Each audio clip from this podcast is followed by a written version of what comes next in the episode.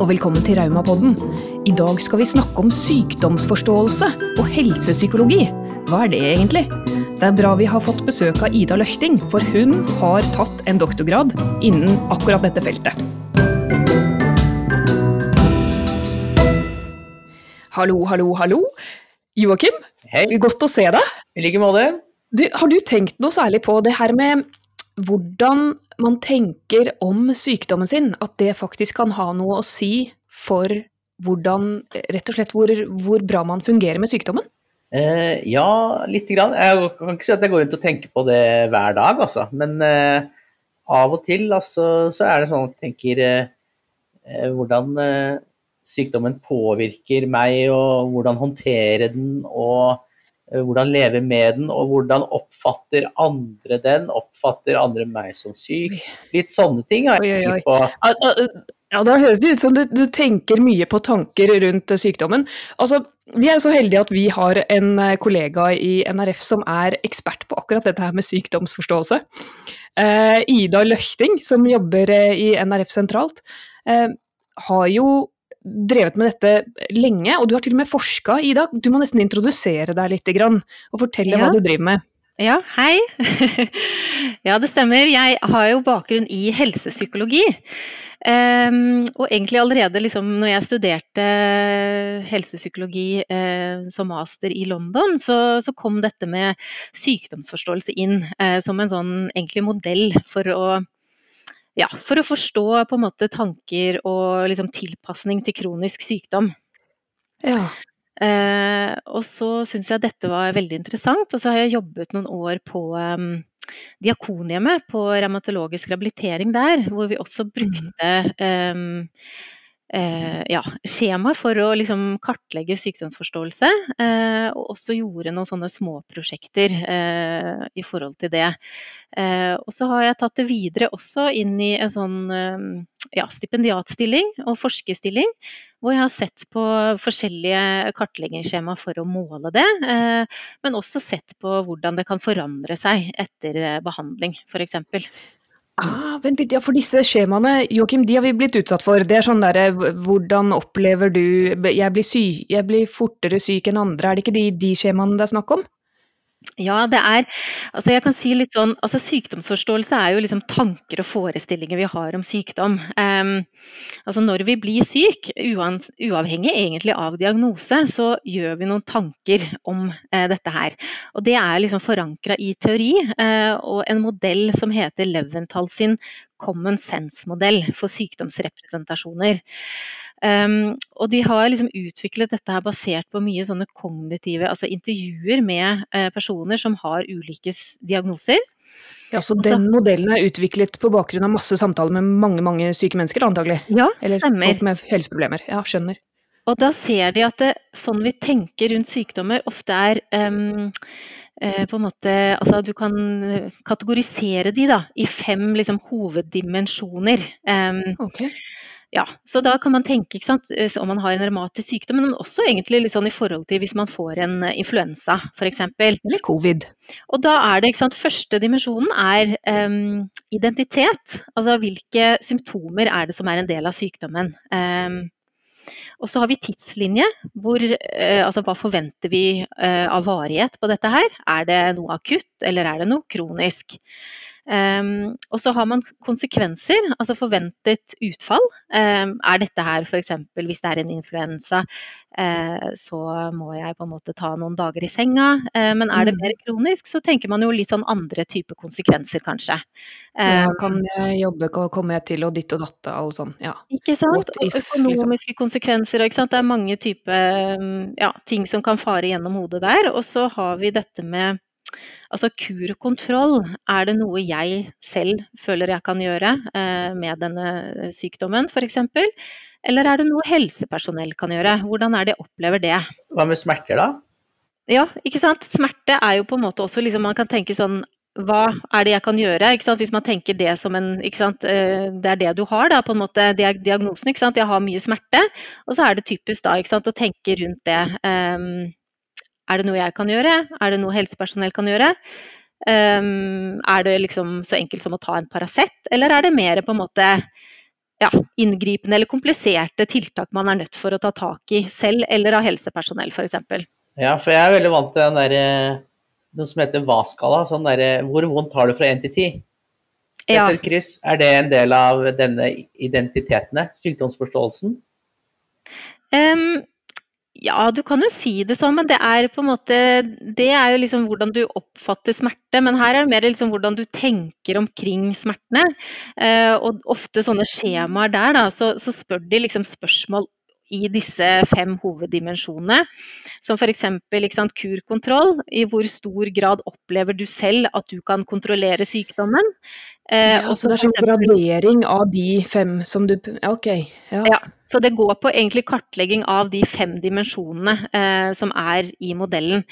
Og så har man jo gjerne liksom i forskningsprosjektet, hvis man studerer sykdomsforståelse, så tar man jo gjerne med f.eks. smerteskala, funksjonsskala i tillegg. Men det ser man jo gjerne kanskje har en sammenheng med hvordan man tenker om sykdommen sin, da. Mm. Men tror man, nå må jeg bare, hvis jeg forstår dette riktig, tror man da at du kan måle på en måte Hvis du har høyt utslag i en av de dimensjonene, f.eks. Mm. konsekvenser at du tror denne sykdommen har eh, forferdelige konsekvenser for livet, sier det noe om utfallet? Eh, ikke nødvendigvis, men man har jo sett i forskning at det sier Altså, sykdomsforståelse som helhet, da, eh, mm. sier gjerne noe om hvordan man mestrer, eh, og også Ah, noe om utfall. Ikke sant. For eksempel, hvordan er det funksjonen din er, hvordan er det smerten din er, hvordan er det livskvaliteten din er. Så det er liksom en del av modellen at disse dimensjonene blir jo påvirket av f.eks. Eh, symptomer, selvfølgelig, men også sant, sosiale beskjeder fra naboen, fra legen. Altså, vi er en del av et samfunn, ikke sant. Vi er jo hele tiden eh, liksom ja, inter, interagerer da, med omgivelsene våre. Og at disse tingene påvirker mestring, som igjen kan påvirke utfall. F.eks. som smerte eller funksjon. Akkurat, så da kan man få skreddersydde tiltak basert på det, da. Når man har den Ja. oversikten. Eh, For jeg tenker, hvordan bruker man det liksom i praksis? For jeg tenker, eh, eh, det er ikke så ofte jeg har fått det spørsmålet. La oss si at jeg får influensa, så har jeg ikke hørt at noen har kommet bort til meg. Hvordan er din forståelse av denne influensen, på en måte? Nei, nei. Hvordan mestrer du din influensa? Ja, så det er, Ja. det er på en måte en teoretisk utgangspunkt, som du sier, men hvordan kan man liksom få det praktisk implementert, både som privat hjemme, men også i relasjon med helsepersonell, da? Ja, det er et godt spørsmål, og det er jo sånn Det er jo to måter da man kan tenke seg å få på en måte tak på en persons sykdomsoppfattelse. Det ene er jo med et sånt kartleggingsskjema som jeg forklarte nå, hvor man ser på disse dimensjonene og kan se litt sånn at å ja, her svarer du høyt og her svarer du lavt, og så kan man på en måte snakke litt rundt dette. Men kanskje den mest optimale eh, versjonen er jo på en måte å lytte litt til pasientens på en måte ja, situasjon og, og tanker, da, og spørre litt sånn spørsmål. Altså om man har gjort seg noen tanker, ikke sant, f.eks. omkring hvorfor man ble syk, hvordan er det liksom livet um, ja, kan påvirke, uh, altså hvordan kan plagene påvirke livet ditt? Altså det er litt sånne type ting, da. Og, og um, jeg tenker det å ja, lytte uh, til liksom hva, hva pasienten egentlig selv forteller, da, eller personen. Mm. på en måte så bør jo alle som får en livsvarig sykdom, bør få samtale med en psykolog som, som kan noe om dette her. Men, men det skjer vel kanskje ikke alltid, så da, da er det jo desto viktigere at legene kanskje vet litt grann om det, da? Eller hva, hva tenker du, Ida? Ja, det er jo, ikke sant, og da kan det jo komme inn dette med liksom et veldig sånn kort eh, kartleggingsskjema. Eh, så det var det vi jobbet med på eh, Diakonhjemmet i sin tid, f.eks. Et sånt lite raskt skjema som, er, ja, som man kan fylle ut på et par minutter, hvor man raskt kanskje kan få et innblikk i er det noe som kanskje tynger liksom, en del for denne personen, som kanskje vi burde eh, snakke litt om. Eh, og på en Mm. måte kanskje ja, gi informasjon som kanskje kan som kan bane vei for liksom en alternativ måte å f.eks. Ja, se på sykdommen sin eller sånne ting. Da. Um, og de hadde jo mye erfaring med, med sykdomsforståelse på rehabiliteringsenheten på Diakonhjemmet. Um, og bruke det egentlig der, da, i, i klinikk, ikke sant. Men, men også sånn som du sier, Anna, litt mer sånn fastleger eller altså Ja, man har et enkelt skjema, da. Ja, det høres jo veldig gull ut, da. Som, hvis man tar hensyn til mange eh, faktorer i livet, at det er et sånt bredt sykdomsbildeforståelse hvor mange eh, elementer kommer inn. Og kan man da eh, i teorien lage mer sånn eh, individuelt tilpasset behandling, da? Mm. Det er et veldig godt poeng, og det er jo egentlig litt av tanken. At man liksom kan, kan basert på denne sykdomsforståelsen, så kan man, kan man, tilpasse litt. Hva, hva er mm, liksom behovene her? For man kan jo se for seg to um, to pasienter med samme diagnose, men veldig forskjellig sykdomsforståelse. Mm. Hvor den ene liksom tenker at ja ja, dette her uh, går vel sin gang og det er ikke noe mer å tenke på dette her, eh, livet mitt går videre. Mens en annen kan jo på en måte liksom ha mer tyngende tanker og tenke at dette er helt forferdelig, det er kanskje min skyld, det er liksom Ikke sant. Du har mange flere ting som kanskje bør ta tak i. Um, så der kan man jo liksom få raskt egentlig et bilde av det, og så kan man Hvis det er liksom sånn fem dimensjoner hvor du nesten får som et sånt kart, da. Ja. Tenk for alle de Jeg, jeg bare må jo pitche likepersonstjenesten, for jeg mener for de som kommer inn, og hvis man i en sånn sam, uh, samtale med kartlegging ser at denne personen jeg er veldig bekymra for framtiden, og som du sier har litt sånn tunge tanker om kanskje det er min skyld og, og livet kommer ikke til å fungere etter dette. Tenk så nyttig det vil være for dem da, å treffe folk som har hatt sykdommen kanskje i, i flere år og som lever et bra liv, og, og, og, klarer å gjøre masse og på en måte har kommet lenger med sin sykdomsforståelse. Mens kanskje for en som ikke lar, liksom, som ikke lar seg affisere på, på samme måten eller ikke blir så bekymra, så er ikke det nødvendigvis så viktig. Jeg mener jo alle bør snakke med en lik person, men, men kanskje for de spesielt da, som blir bekymra for framtiden, så kan det å få treffe erfarne pasienter som kan vise at hei, ok, ja, altså, du har fått den sykdommen, huff da, stakkars, og, eller ikke kanskje ikke stakkars, men så trist. Jeg har også, alle vi her har forskjellige sånne ramassykdommer, og vet du hva, vi har det kjempebra likevel. Mm. Kanskje? Det er kjempeviktig, og det er akkurat det. ikke sant, At eh, denne kan jo påvirkes. Og det er jo det som egentlig er litt det fine også. At eh, ikke sant, hvis du, som du sier, en som, som har det helt forferdelig, ikke sant, og, og treffer da på like personer eh, som liksom lever fint med sykdommen, ikke sant. Eh, ok, man har noen begrensninger, men jeg lever fortsatt et godt liv. Ikke sant, Så er jo det med på å på en måte forme den sykdomsoppfattelsen som man tenker mm. annerledes kanskje etter hvert. Og spesielt verdifullt, tenker jeg, med altså, det å møte folk i samme situasjon. Eh, ja. Fordi det er jo litt det der i hvilke ting er det som går inn, eh, ikke sant? og hva, hva, er det egentlig som appellerer til oss. Um, for vi vet jo ikke sant? Sykdomsforståelse jo, kan jo være relatert til f.eks.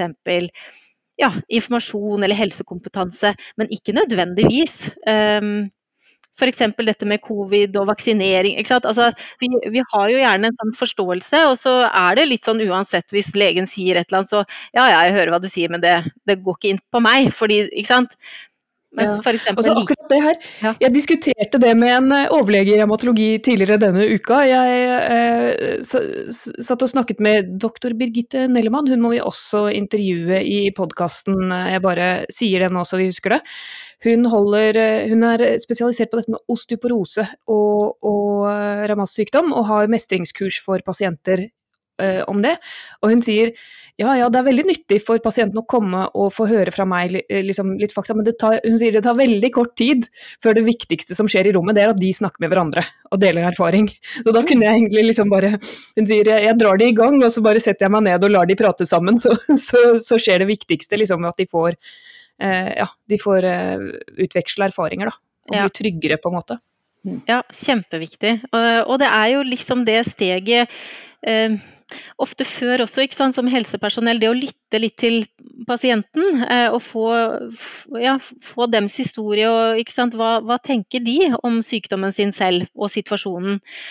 For det er jo liksom ofte det at hvis vi kommer med helseråd eller Eh, ja, treningsopplegg eller Ikke sant. Og så har man på en måte ikke fått med seg personens tanker omkring det, så kan det jo være at sant, helseråd og den type behandling eller intervensjon ikke vil være like Altså ikke bli etterlevd, da, eh, ikke sant, i like stor grad. Fordi man kanskje ikke har med seg personen på opplegget, f.eks. Ikke sant? Ikke sant? Men man er jo avhengig i helsetjenesten at det er noen som er spesialister innenfor sitt konkrete fagfelt òg. Eh, bør alle ha helhetsbildet, eller er det noen i helsevesenet som burde ha på en måte eh, hele sykdomsforståelsen med seg. Mer enn andre. Jeg tenker Ja. sånn, Av er erfaring så er det liksom sånn eh, eh, Kirurgene så liksom bare på liksom, og, og protesen skulle opereres inn. Liksom. Det var det eneste som liksom var Hva tenker du om protesen din nå? Nei. var fokuset. Og liksom eh, ernæringsfysiologen var bare opptatt av å spise så og så mange brødskiver, eller så og så få brødskiver. Eh, hva tenker du, Ida? Jeg- Jeg tenker jo at det er fint å se helheten så mye man kan, eh, men det er klart, ikke sant, står du som kirurg og skal operere den protesen, så er det det du fokuserer på. Men dette her eksempel er liksom enkle, liksom små eh, ting som Det tar ikke mye tid å bare liksom høre litt Til og med en ortoped kan forstå. Unnskyld. Så, og litt sånn, ikke sant, fastleger kanskje, fysioterapeuter som ser pasientene mye, og så, Ja. ja, så Mm. kan man tenke at det her kan, kan lett integreres, eh, uten at man liksom ja, trenger å gå så i dybden, eh, ikke sant, på, på alt, men det å liksom, ja, egentlig handler det mye om å høre litt, eh, ja, ta pasienten på alvor og høre litt eh, dems eh, synspunkter, eh, og ja, hva de sier til seg selv om situasjonen de er i, på en måte. Det var nevnt likepersoner som eh, en hjelp til å få oversikt over sin Det var nevnt. sykdomsforstørrelse. Ja, det var hun Frykselius sin eh, lille kjepphest, ja. Ja, men jeg lurer på, er det noe, Fins det noe kartleggingsverktøy som man kan sitte med hjemme selv? Sånn skjema. Sånn, eh, og her har jeg litt Jeg vet ikke hvordan det grad- graderes. Er det dårlig sykdomsforstørrelse og god? Eller sånn her, må jeg, her kan jeg virkelig putte inn eh, støtet nå. Litt mer eh, treff av venner, litt mer eh, psykisk helse. Det hadde vært lurt. Man burde hatt en Ja. app. Nei, eller noe, kanskje. Eh, Ja. Ida, det må vi lage. For da kan man på en måte komme eh, til helsetjenesten med en sånn totaloversikt selv og si her trenger jeg mer eh, hjelp for å komme Ja. til eh, For å forbedre denne Hva kalte du det? Dimensjonen. Ja, ikke sant. Ja. Det jo Ja, det var en veldig god idé, Joakim. Det har jeg ikke tenkt på, men selvfølgelig, det er jo Ikke sant, dette skjemaet for eksempel er jo lett eh, tilgjengelig.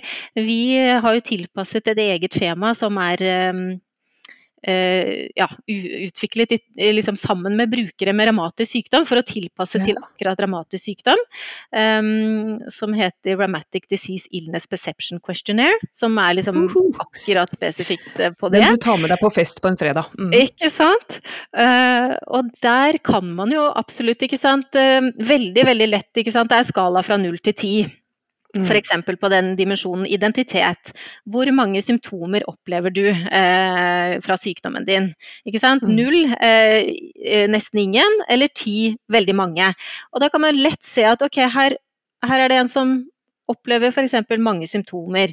Hvor mye konsekvenser opplever du fra null til ti? Veldig mye konsekvenser. Ok, her er det mye konsekvens, ikke sant. Så, Mm. Og så har vi jo selvfølgelig også med en følelseskomponent, fordi når man får en sykdom og Mm. tenker, så kan man jo eh, ja, sånn som Ja. angst, depresjon, altså litt sånn frustrasjon, ikke sant. Um, Uro, sinne, ja. Ja. Frykt og sinne. Mm. og også en årsaksdimensjon. Hva er det du tenker kan ha utløst denne årsaken, eh, Mm. nei, denne sykdommen. Så, så det, er, eh, det er noe man lett kan, eh, kan sitte litt sånn med hjemme også for å få liksom et bilde. Og det med årsak i forhold til sykdomsforståelse, tenker jeg um, Hvis man går og tror at det er noe jeg har gjort selv som har på en måte utløst denne sykdommen, gir det på en måte mer mestring eller mindre mestring? Også hvis det på en måte oppleves som noe som kommer utenfra og tar deg, på en måte, eller noe som er det, Jeg syns det er litt sånn rart med autoimmunitet, da, for det, det er jo kroppen som angriper seg selv, liksom. Mm. Ja. ja. Ikke sant. Og det, det er jo som du sier, det er litt sånn kanskje altså situasjon og personavhengig. Altså det er jo ikke nødvendigvis noe som er galt eller liksom eh, riktig sykdomsforståelse heller, på en måte. Eh, Jeg Mm. tenker at eh, så som årsak, men er det sånn at man går og tenker at dette er veldig selvpåskyldt, at åh, gud, ikke sant, man på en måte drar seg selv litt ned, da, så Mm. kan det jo være en fordel å sant, få litt sånn, ja, litt andre på en måte perspektiver rundt det.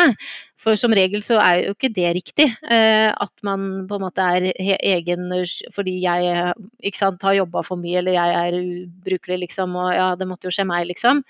Så, så er, man har en del sånne forestillinger ofte, ikke sant. Hvorfor har dette skjedd, og, og sånne ting. Um, som kan være verdt å ja, se på i noen, på, i noen situasjoner, da. Og så kan det være sånn at uh, hvis du opplever på en måte høy grad av uh, sy symptomer, holdt jeg på å si, uh, som du ikke har kontroll over, at det kanskje man blir um, mer sånn fanget i en fryktrespons, kanskje. Jeg vet ikke. Det, mm. det er litt skummelt å begynne å snakke årsak og sånn, men det er jo fatigue og smerter som, som er det som stopper stopper veldig mange revmatikere kanskje fra å gjøre det de vil, da. Det mm. eh, har vi i hvert fall fått, eh, fått svar på fra mange revmatikere tidligere. Og det er mm. sånn som går igjen også i fibromyalgi, og også i, i ME, som jeg syns er en utrolig spennende sykdom, da, som bør eh, forskes mer på. At um, en, en, sånn utmattelse som bare Ja, som, som, er helt lammende. Og også spørsmål om det kan være noe autoimmunt, det vet man ikke mm. ennå. Men, men, kanskje det kan være med på å forsterke, jeg vet ikke, en, en sånn fatigue, hvis du f.eks. på den ene dimensjonen av konsekvenser um, opplever at uh, en forventning av at det er, det er håpløst. Det er, det, er, mm. det er, håpløst, det er ingenting som kan gjøres. Det, ja, det fins ingen, ingen kur, på en måte.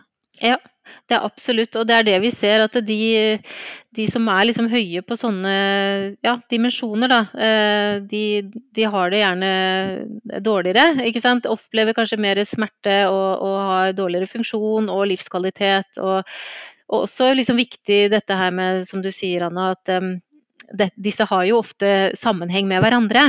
Ikke sant? At de, de er liksom høyt korrelert, da, som vi sier. at um, Skårer du på en måte høyt på mye symptomer, så opplever du ofte mye eh, konsekvenser. Um, og det er jo helt naturlig, på en måte. Har du mange For det er jo ikke noe folk sitter og finner på, på en måte. Det har, har, du mange symptomer Du kan jo ikke lyve på de skjemaene heller, ikke sant? Nei.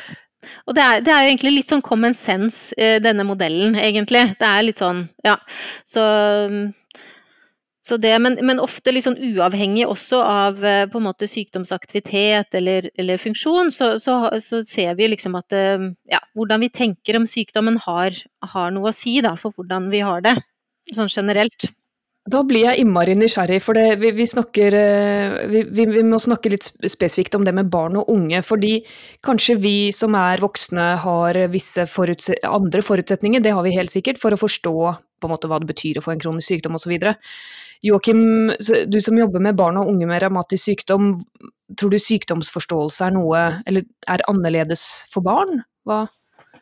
Eh, ja, det, der, tror liksom? jeg, det, tror jeg, faktisk. Fordi at eh, for barn så er jo på en måte evnen til å forstå ikke noe man tenker så mye på selv, men det er noe som blir skapt utenfra. Man vil jo være normal og føler seg normal, vil være med på de samme tingene. og så blir det begrensninger som blir satt utenfra, så man lærer seg på en måte at man er annerledes. Hvis du skjønner? Mm. mm. her må det tilrettelegges, her må vi gjøre noe, her må vi Kanskje ikke du skal være med på den bursdagen, kanskje du må slutte med fotball. ikke sant? Så får man, blir man fått på en sånn tredd på en sykdomsforståelse som på en måte er annerledes enn det man har i utgangspunktet. da. Mm. En litt sånn eh, annen identitet, på en måte? Hva ja, man egentlig man har, liksom, har, vært vant til å se seg selv, ja. eller Ja. Så det var for min umiddelbare tanke, i hvert fall. Så det, jeg tenker at eh, man må bare fortsette eh, så mye som mulig eh, i samme spor som før man blir syk. Mm. Jeg lurer litt på om man, kan, eh, om man kan hacke disse her, da, på en måte, for å skape en bedre eh, opplevelse av mestring. Eh, tenk om man kunne gitt en overbevisende årsak som er eh, som, som, inviterer til mestring, også noe som du hvis, hvis, det var på en måte vitenskapelig belegg for å si at ja, men denne sykdommen er ja, om det er genetisk eller noe sånt, men det, det liksom grunnet uh, arv og miljø, så kan det du gjør i forhold til eh, ja, både medisinsk behandling og, og, mestring og trening, det kan være med å redusere de negative aspektene. Ehm, jeg tror jeg har, jeg har møtt noen leger som gjør det, som de tar på en måte et ganske tynt forskningsgrunnlag eh, for å virkelig styrke pasientens mestringstro. da. Og man skjønner litt mens de gjør det, at 'jeg vet hva du gjør nå', men det virker allikevel. For de har så, de har så um, kredibilitet da, når de sitter, de som er flinke til å kommunisere. Hvis det er en dyktig lege som er flink til å kommunisere, sitter og ser deg inn i øynene og sier 'ja, du har denne sykdommen, og det kan være alvorlig, men grunnet det her og det her og det her, så har du faktisk veldig god mulighet til å få et bra liv allikevel'. Så er det liksom sånn det er nesten som du skrur opp volumet i hjernen på mestringen, jeg vet ikke. Ja, og det er jo viktig, ikke sant? for man har jo eh, i mange, ikke sant? i de fleste så er det jo litt sånn, du har jo påvirkningsaspektet selv, eh, ikke sant. Så, og den er jo viktig sikkert å også få formidla til, eh, til, mange pasienter at her kan du jo gjøre eh, her kan du gjøre noe selv også for å få det bedre. ikke sant? Det er ikke bare liksom å, nå er det bare å, å grave seg ned og kroken på døra. Mm. Ja, og det gjelder jo medisinsk behandling og alt annet. ikke sant? Så kroken mm. på døra Hvis du ikke tar ansvar for din del av behandlingen, eller, eller prøver på en måte å gjøre noen egen tiltak, da, da er jo antagelig utfallet ganske mye dårligere, da. Mm. For det er jo både det å følge opp medisinsk behandling er krevende, men også å, å på en måte gjøre, gjøre småting, tilpasninger i hverdagen som gjør at man ikke provoserer mer smerte. Mm. Følger det liksom med noe eh, kart, eller noen behandlingsalternativer eh, når man har eh, fått en sykdomsforståelse. Altså et utgangspunkt. Sånn er din sykdomsforståelse. Da har vi kartlagt det. Her er det tiltak vi kan gjøre. Um, altså det er jo eh, noe av det jeg er veldig opptatt av, at det gjerne skulle bli litt mer tilbud om da, i, i helsetjeneste f.eks. Altså dette med altså, ja, helsepsykologi, ikke sant. Altså psykologi inn i litt sånn somatikken. Altså at du har med det aspektet lite grann. uh, når man f.eks. får en uh, diagnose som kreft, eller om det er en kronisk diagnose som uh, revmatisk sykdom. Så, så ikke sant. Det, det, å se mennesket som en helhet, ikke sant. og og at vi trenger på en måte Ja, vi, vi har kanskje behov for å få eh, medisinsk behandling, men vi har jo noen ganger også behov for å få litt eh, veiledning og, og, input på også altså psykisk helse, da. Eh, og, og, bare egentlig liksom noe ja, noen som kan prate litt og, og kartlegge litt av dette her. Så mm, det er vel ikke så mye Altså sånn i forhold til hvis du er i spesialisthelsetjenesten eller noe sånt i, i dag. Men, eh, men, jeg vet jo f.eks. sånn som Diakonhjemmet jobber jo veldig tverrfaglig og helhetlig, og da mm. vil jo dette naturlig komme inn, da. Ja, for jeg tenker, men der spesielt, man jo ja. ja. Jeg, si det, for jeg tenker det er veldig viktig hvis man er behandlingsresistent eller er i en fase hvor medisin ikke funker så bra. Liksom, det, og det er jo en eh, Ofte er jo revmatisk sykdom en sånn eh, det heter degenerativ sykdom, på en måte, at man sakte, men sikkert blir dårligere. og Da eh, er det på en måte den mentale biten igjen. da, At man må liksom finne en aksept og leve best mulig med, på en måte. Og, mm. og sørge for at, eh, at eh, progresjonen går langsomt, at man, eh, liksom, at man får hjelp til å skifte tankemønster, eller hvis det er det som skal til, da. Mm. Ikke sant, akkurat det som du sier, bildene i hodet også noen ganger, ikke sant. Og dette er en alvorlig degenerativ, ikke sant. Altså hvordan man liksom ser for seg, ikke sant. Dette med identitet eller hva, ja. Det, det er absolutt ting som man kan, eh, man kan ta opp, da. Jeg ser for meg sånne selvhjelpsgrupper hvor man kan uh, snakke om å på en måte få, få, få bedre sykdomsforståelse. Det, det, kunne jo vært uh, tiltak, på en måte, eh, som kunne sikkert hjulpet. Og så blir jeg litt grann, Det er noe som skurrer for meg når vi snakker om psykologi i somatikken også, fordi jeg vet det er veldig mange eh, sykdommer som ikke har noe medisinsk behandling. ikke sant? Uh, Joakim og jeg vi er på mange måter heldige fordi vi har, ja, vi har diagnoser som utløser medisinsk behandling, og så er det sånne som fibromyalgi og artrose og og diverse andre eh, sykdommer som på en måte, hvor forskningen kanskje ikke har kommet så langt ennå. da, Hvor det å få diagnosen ikke utløser noe som helst, på en måte, annet enn å gå hjem og gjøre gjør så godt du kan. Uh, og det, hvis det på en måte da på en måte, Ja, men du skal få gå på en selvhjelpsgruppe og du må lære sykdomsforståelse, det blir den eneste behandlingen, så, så syns jeg det er en litt sånn fallitterklæring, da. Ja, det kan man ikke gjøre. Jeg tenker at det må være noe ekstratilbud. Eh, ikke sant? Og én ting er liksom ok, du har fått en diagnose, men, men, men hva, hva, kan du gjøre for å, for å, leve bedre, eller ha det bedre med diagnosen? Eh, ikke sant, mm. for eksempel. Så, så jeg tenker at det, det må være noe ekstra som man får i tillegg, eh, vil jeg si da. Mm. mm. Men hvis man eh, tar dette skjemaet og så forstår seg selv som at man har en sykdom eller en diagnose, men at andre, f.eks. helsepersonell, ikke forstår at du har en diagnose eller en sykdom. Hva gjør man da? Ja, Du tenker litt om mer uspesifikke diagnoser? Ja, eller, eller? eller, eller eh, Jeg har jo lest litt og diskutert dette også på studiene. Hva er en diagnose, f.eks.? Hvis man eh, er gravid og er veldig sliten pga. graviditeten, har man da en diagnose, f.eks.? Eller hvis man eh, er sliten og trøtt uten å på en måte eh, ha noen konkret grunn til det, eller objektiv grunn til det, på en måte. Mm. Ja, ikke sant. Og det, da er det liksom Jeg vet ikke hvor mye man skal tenke liksom, diagnose her, men, men igjen, det er, så er liksom hva Altså det, liksom, hva er behovet for, for, pasienten, på en måte? ikke sant? Altså, hvor målet er liksom å, ja, at man kan leve bedre med den situasjonen man er i. Da. Mm. Um, enten mm. om det er en konkret diagnose, eller det er at du er gravid, eller altså Dette er jo litt sånn um, Det er det jeg liker litt med den modellen. Det er jo litt sånn common sense også. ikke sant? Det er litt sånn at det, eh, våre tanker uh, vil jo um, påvirke eh, våre liksom, valg eller følelser, og, så, og litt sånn atferd. Og det gjør det jo på en måte med oss eh, liksom, i livet generelt, ikke sant. Og, og mm. også litt sånn ja, har du bare liksom en forkjølelse, så, så, så, tenker man litt sånn rundt, og så gjør, så, liksom, så gjør man noe basert på det. Så, jeg tenker det er, dette er liksom veldig sånn eh, lavterskel, men det er bare det at det er um, ja, hvordan liksom Det der å få liksom bevisstgjøring på at um, dette har betydning, og uh, dette her også på en måte en del av liksom det helhetlige mennesket, på en måte, da. Så man kan egentlig bruke det selv om man ikke har en diagnose og er helt frisk og fin, uh, for å maksimere seg selv, på en måte.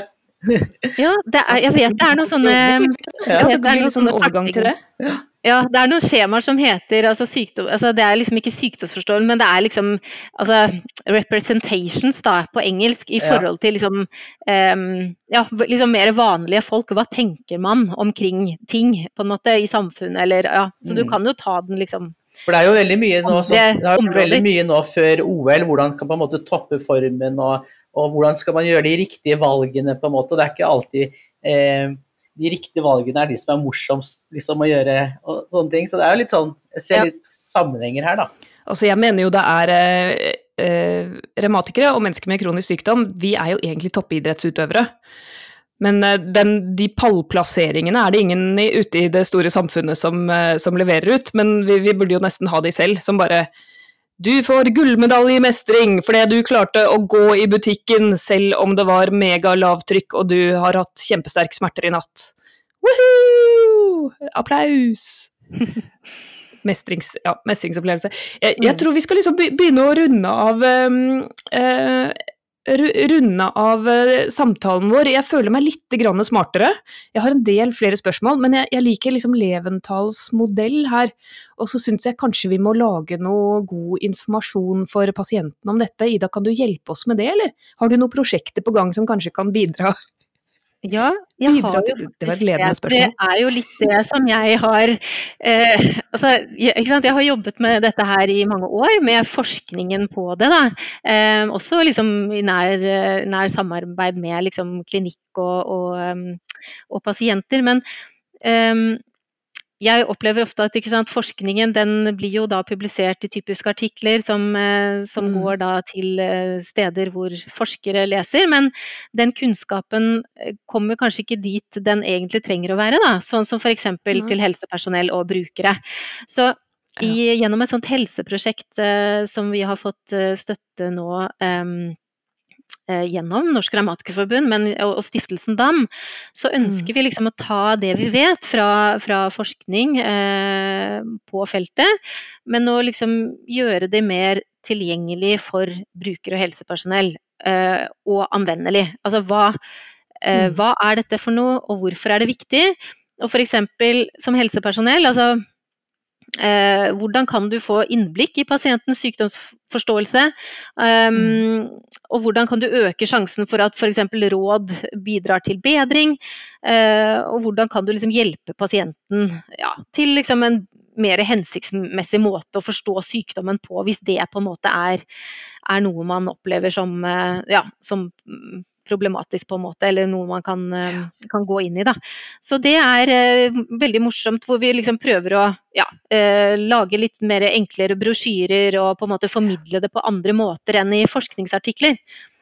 Dette høres jo rett og slett ut som eh, oversettelse, et formidlingsprosjekt. Du, du skal ta ja. all denne kunnskapen som du har eh, doktorgrad og masse kunnskap eh, om, og gjøre det tilgjengelig både for helsearbeidere og pasienter. Det er fantastisk.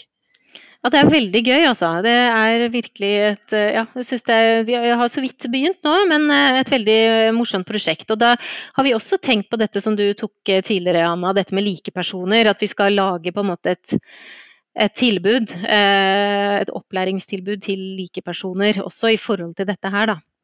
Mm.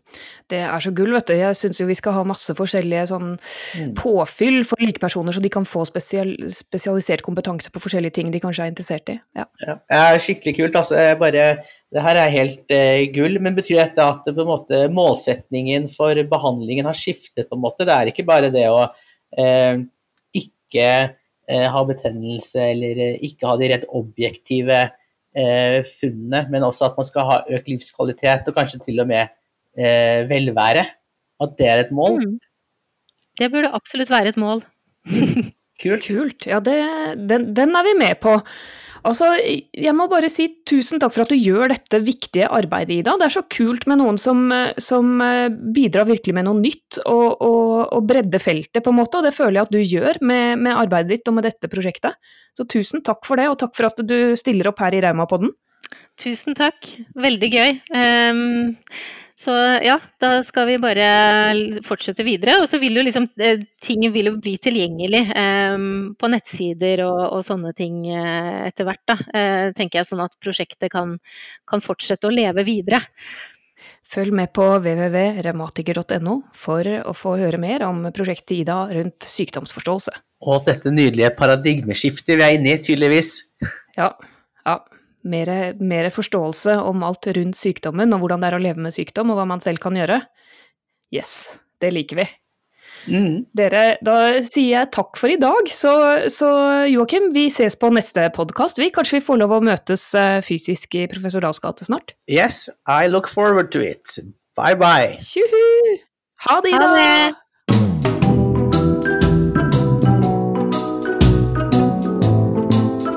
Dag har vi snakket om sykdomsforståelse og helsepsykologi. Hvordan man kan lære litt mer om sin egen sykdom, og kanskje det til og med kan påvirke livet så du får det bedre. Som vanlig er det Podmaster som har fiksa lyden.